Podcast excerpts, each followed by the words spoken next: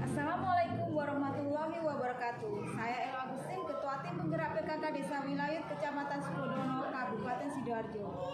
PKK adalah gerakan nasional dalam pembangunan masyarakat yang tumbuh dari bawah. Untuk pengelolaannya dari, oleh, dan untuk masyarakat menuju terwujudnya keluarga yang berimbang dan bertakwa